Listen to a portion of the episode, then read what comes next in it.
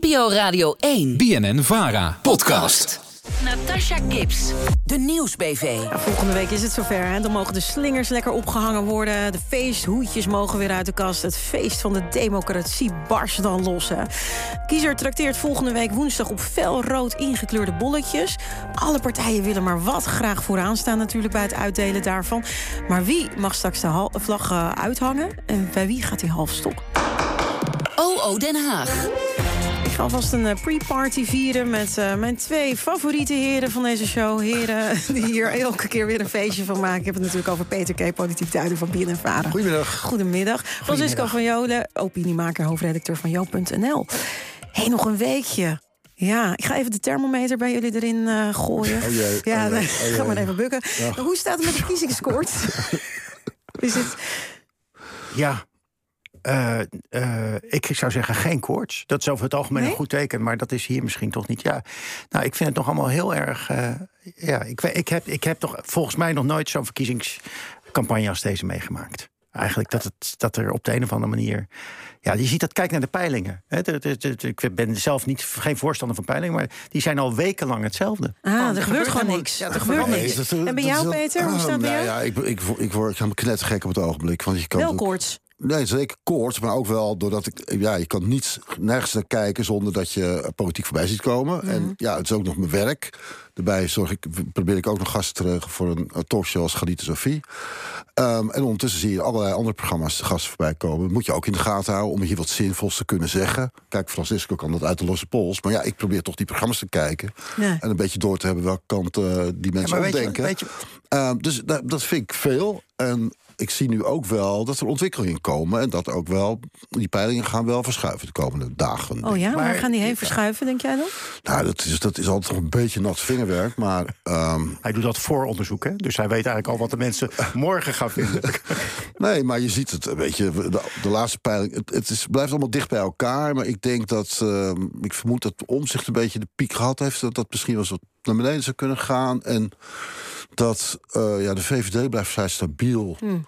Ehm, nou, het gaat een beetje. Het blijft wel tussen die drie partijen gaan natuurlijk. Eh, nou, wat ook opmerkelijk is, is dat Wilders dat het klimmen is. Maar die heeft ook een opmerkelijke strategie. Oh, oké, daar gaan we zo, Maar- zo maar uitgebreid over hebben. over die jij nou zegt. Ja, en jij zegt van Francisco. de, de tv-uitzendingen zitten vol en zo. Het- Weet je wat grappig is? Ik, ik kijk niet zoveel tv.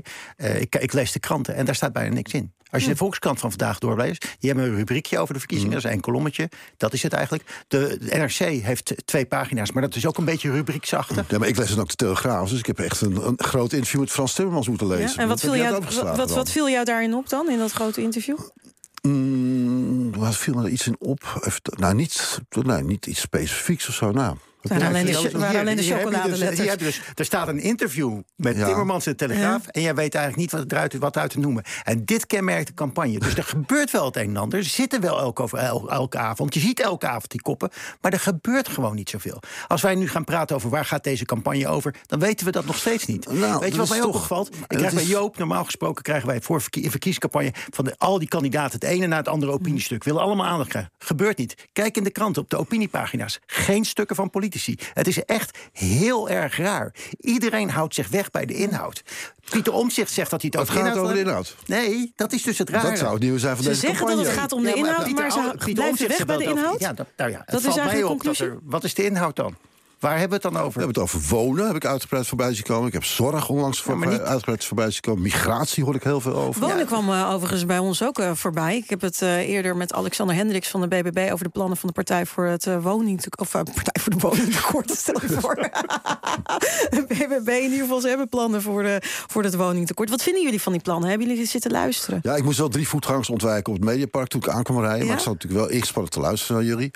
Ehm, nou ja, ik hoorde, weer, ik hoorde geen getallen langskomen. Geen, niet echt, ik vond het zo leuk voor die Hugo de Jonge. Die zei dan van, nou, ik ga zorgen voor 900.000 Ja, die deed heel, hele 39. grote beloftes, inderdaad. Ja, maar dat vind ik ook het, het, wel ook het charmante aan die man. Je weet altijd, die beloftes niet helemaal uit gaan komen. Maar hij, hij legt het heel lat hoog.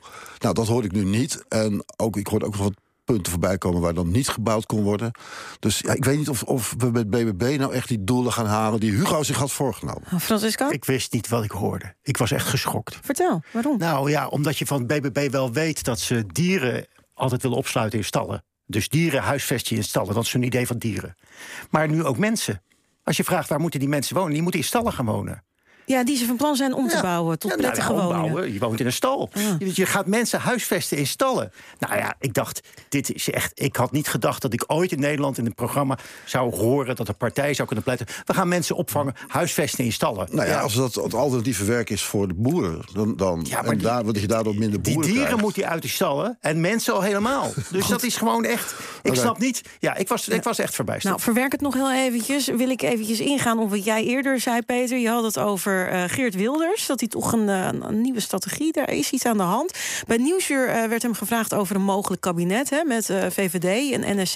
Laten we eerst even luisteren. Ik ga toch nog één keer vragen, want u weet, deze twee grote partijen... die vallen over die rechtsstatelijke zaken waar het al in de uitzending over Ja. ging. Hè? Geen moskeeën meer, dat soort zaken. Bent u echt bereid dat te parkeren en dan met hen in een kabinet te stappen? Ik ben zeker bereid om daar, ik ga hier nogmaals niet onderhandelen, maar ik ben zeker bereid om daar, eh, wat mijn kiezer het belangrijkste vindt, wat nu ook het belangrijkste Heeft in Nederland verteld, is. maar u bent dus bereid om omdat- dat opzij te zetten... om andere belangrijke dingen te, voor elkaar te Ja, krijgen? ik, ik, als u het goed vindt, kies ik daar mijn eigen woorden voor. Dat waren niet mijn woorden, maar dat die er nou heel veel naast zit, kan ik ook niet zeggen. Ja, om mee te regeren is Wilders dus nu bereid zijn anti-islam standpunten te parkeren, zoals dat wordt geformuleerd. Is, is dit een nieuwe weg die Wilders aan het inslaan is? Nou, ik vind het in ieder geval zeer opmerkelijk. En Ja. een heel nieuwe strategie van Geert Wilders... die natuurlijk zag dat, dat Dieren Jezielkes de deur op een kiertje had gezet... eh, aan het begin van de campagne door te zeggen dat de PVV niet uitgesloten was als onderhandelingspartner, als coalitiepartner. Ik bedoel niet dat ze er meteen trek in had. Ze probeert die deur ook steeds weer een beetje dicht te duwen de laatste tijd, want het is toch gevaarlijk. En hij profiteerde er eigenlijk van door te zeggen: Nou, met mij valt prima te praten. En eh, mijn standpunten zijn opeens een stuk flexibeler dan we ooit gehoord hebben. Ehm, daarmee maakt hij zich wellicht aantrekkelijker voor kiezers. Dat ja. zou, kunnen, zou kunnen werken. En, Nou, en, ik en ook aantrekkelijker wel- voor eh, NSC. Want eh, ja, eh, voor zo'n coalitie lijkt eh, PVV wel NSC nodig te hebben. Nou, ik Toch, moet- Francisco? Denk moet- jij dat, dat, dat Pieter Omtzigt deze handreiking van Wilders... die dus zegt, nou, ik, ik ben wel bereid mijn anti-islam standpunten te parkeren... Ik zal eerlijk zeggen, ik heb geen idee wat Pieter om zich gaat doen. Hij weet zelf niet eens of wie de premier moet worden. Dus dat, ik, geloof, ik vraag me af of hij het zelf wel weet. Je zou wel kunnen denken dat hij hier maanden over gaat twijfelen. Dus het worden lange onderhandelingen. Ah, zo. maar ik wil even wat zeggen over wat Wilders. Want ik vind dit toch wel opmerkelijk. Je kan zeggen, nou, het is goed dat hij die standpunten laat varen. Maar Nou, parkeren, ja, parkeren, dat is, Ja. moet je dus voorstellen. Hè? Dit is dus een man die dit soort standpunten heeft verkondigd. Daardoor is Nederland lange tijd een, de terreurdreiging in Nederland vrij hoog geweest. Daar heeft hij zelf natuurlijk ook last van gehad. Hè? Mhm. Maar we, hebben- er is pas nog nou, een paar jaar geleden nog iemand eh, neergestoken in het eh, Amsterdam CS. Omdat hij zo nodig zijn cartoonwedstrijd moest hebben. Dat moest, daar moesten Nederlanders allemaal opofferingen voor brengen. Want dat waren zijn standpunten. En die waren heilig. En nu het plusje in de buurt komt, geeft hij ze in één keer op. Echt.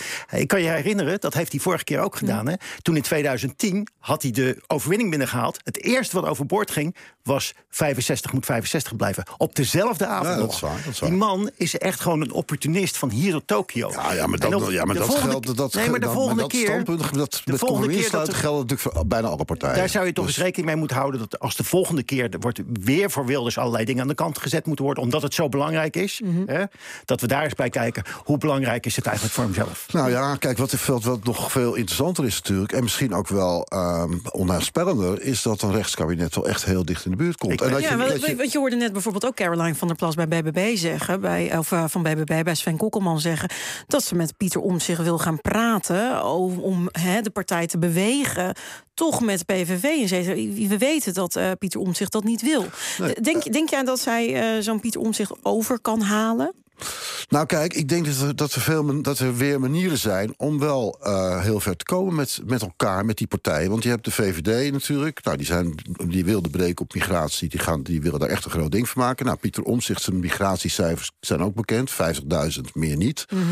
Eh, en dan heb je eh, BBB...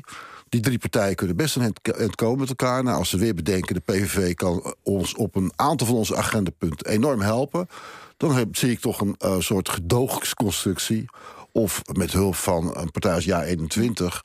Een eh, rechtskabinet zal heel erg dichtbij komen. En aan de andere kant zie je op dat er op links bijna geen mogelijkheden zijn. Dus ja, ehm, laten we met elkaar wel alert zijn op wat er nu gebeurt in het land. Ja, mensen Francisco, dat- ik wil het met jou hebben over wat je maandagavond hebt gedaan. In Rotterdam was Ja. het verkiezingsdebat. Ja, Je, je, je, je In, bent eh, niet een man van de talkshows, maar wel van de verkiezingsdebatten. Dat was dus. een- ja, ik- ja, ik je moet was zeggen- enthousiast, hè? Ja, hierover? het was in Arminius. Nou werk ik het daar zelf af en toe ook even. doen, Of voor alle heel objectief, heel Dus ben- objectief oordeel van Francisco Nee, maar daar is de, sfeer- de, de zaal zat afgeladen. Mhm. eh, en daar hangt dan echt de sfeer van het stadion. Dat Ja, vond ik heel bijzonder. De hele avond. CDA-lijsttrekker Henry Bontebal, die was er ook. Henry Bontebal Ja, was er en eh Barbara Katteman. Eh, Van alle eh, eh, partijen, behalve BBB, maar dat is misschien een beetje lastig Mhm. in Rotterdam... waren de Rotterdamse politici. En dat maakt het dus... En we hebben best, eh, we, eh, we- we- er zijn best veel eh, politici in Rotterdam. Hugo de Jonge? Dus die gingen met elkaar... Nee, die, die staat volgens mij niet op de lijst. Ik moet je even bijpraten. Maar Rotterdamse Ja. Nee, maar goed. Praat jij, praat jij eh, Peter, even bij in de tussentijd? Want ik wil heel even toe naar een hoogtepunt. Want volgens jou was het hoogtepunt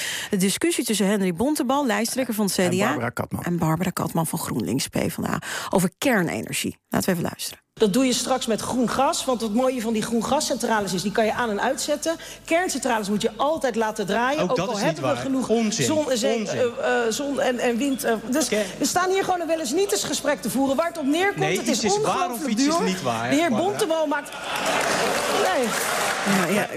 vond het, zegt, ja. ja. Vond het een wel eens niet. Dus noemt het liever waar of niet waar. Francisco, we hoorden wel veel gekibbel. Wat vond jij, een man van de inhoud, Nou, dan toch goed aan dit debat? Nou, wat, wat, nou, het was spannend. Ook omdat, het, het, kijk, het, het, het, het onderwerp was dus niet kernenergie. Het on- onderwerp was, eh, moet Rotterdam een eigen kerncentrale krijgen? Mhm. Nou, dat is wat anders, dan wordt het wat anders. En wat ik zag, is dat je zag dat Barbara Katman vooral het wilde hebben over de kosten daarvan. Want dat kon je dan vertalen naar bestaanszekerheid. Dus ze zegt, dat gaat miljarden kosten. We weten niet eh, hoe lang dat gaat duren. Of we er wat aan hebben. Die miljarden kan je beter gelijk besteden aan mensen die het nu nodig hebben om een huis maar te even bouwen. over de vorm. Eh, ja, ik vond dit leuk. En dat was, dit was even gekibbel. Mhm. Maar daar werd best wel veel informatie uitgewisseld over en weer. Van wat je nou moet doen en wat je, wat je nou niet moet doen. En bovendien gaat het bij zo'n debat. Kijk, wij journalisten zijn altijd naar. Is er iets nieuws? Eh, wat, wat zegt hij? Verandert hij van standpunt? Lekkere quotes. Maar jij zit er als, als. Ik vind het er twee dingen belangrijk. Je ziet er allemaal alle politici, ook de politici waar je het niet mee eens voorbij komen. En die vertellen hun verhaal. Dat vind ik heel belangrijk om te horen. Maar je zit er vooral ook met alle andere mensen uit Rotterdam. En je praat met elkaar daarna. eh, je zit naast. Naast je buurman, zeg maar. En dat is voor de democratie, denk ik, heel erg belangrijk. meer inhoud dan een televisiedebat, wat jou betreft? Eh, ja, denk Ja? ik wel. Denk Peter, ik wel. jij bent een man van de televisiedebatten. Eh, wat, wat, heeft, heeft Francisco hier een punt? Nou, ik wil even vijf punten opzommen. Ehm, ja, die truc pak ik ook van, van jou over dan. Hè. Kom op. nee, maar kijk. ehm, ik word hier ge- Je hebt, gevreemd. al, je hebt anderhalve minuut, Ik heb Peter. hier gevreemd in het televisiedebat. Wat ik prima vind. Maar ik, ja, natuurlijk is het veel leuker om in het land een debat te voeren. Want ik heb zelf met Wouter van Scherburg samen een debat mogen leiden in Doetinchem. Er zat een bomvolle zaal. Tijd om met, met eh, fractieleiders te praten. Er werd een prachtig gesprek met Rob Jetten en zelf met Caroline van der Plas. Adje Kuiken. eh, anderhalf uur gesprek. Hartstikke leuk. Zou ik het allerliefst de hele dag doen.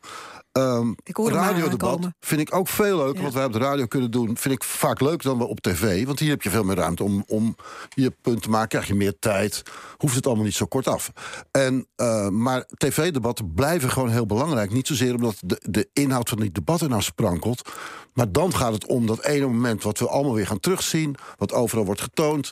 Het zijn een paar van die momenten die vaak een campagne bepalen. En daarom blijven ze belangrijk voor die campagne. En maakt dat soms het verschil. En dat is heel plat. Maar ja, zo werkt het gewoon. Dat het, je ziet dat moment dan op alle plekken terug. Het bereiken daarvan is vele malen groter. Ja. Hey, zweven jullie nog trouwens? Ja. Ja? Ver boven de menigte? Eh, nee, maar ja, ik, ben niet, ik, ben niet, ik zal niet gezien dat ik helemaal geen idee heb. Maar Nee? het is nog niet zo dat ik mijn definitieve keuze bepaald heb. Nou, ik wel hoor. Ja? Het is, eh, ja, geen enkel probleem. Ik ben standvastig. Ik heb hetzelfde idee als de vorige keer. Dus het is gewoon eh, geen enkel twijfel over.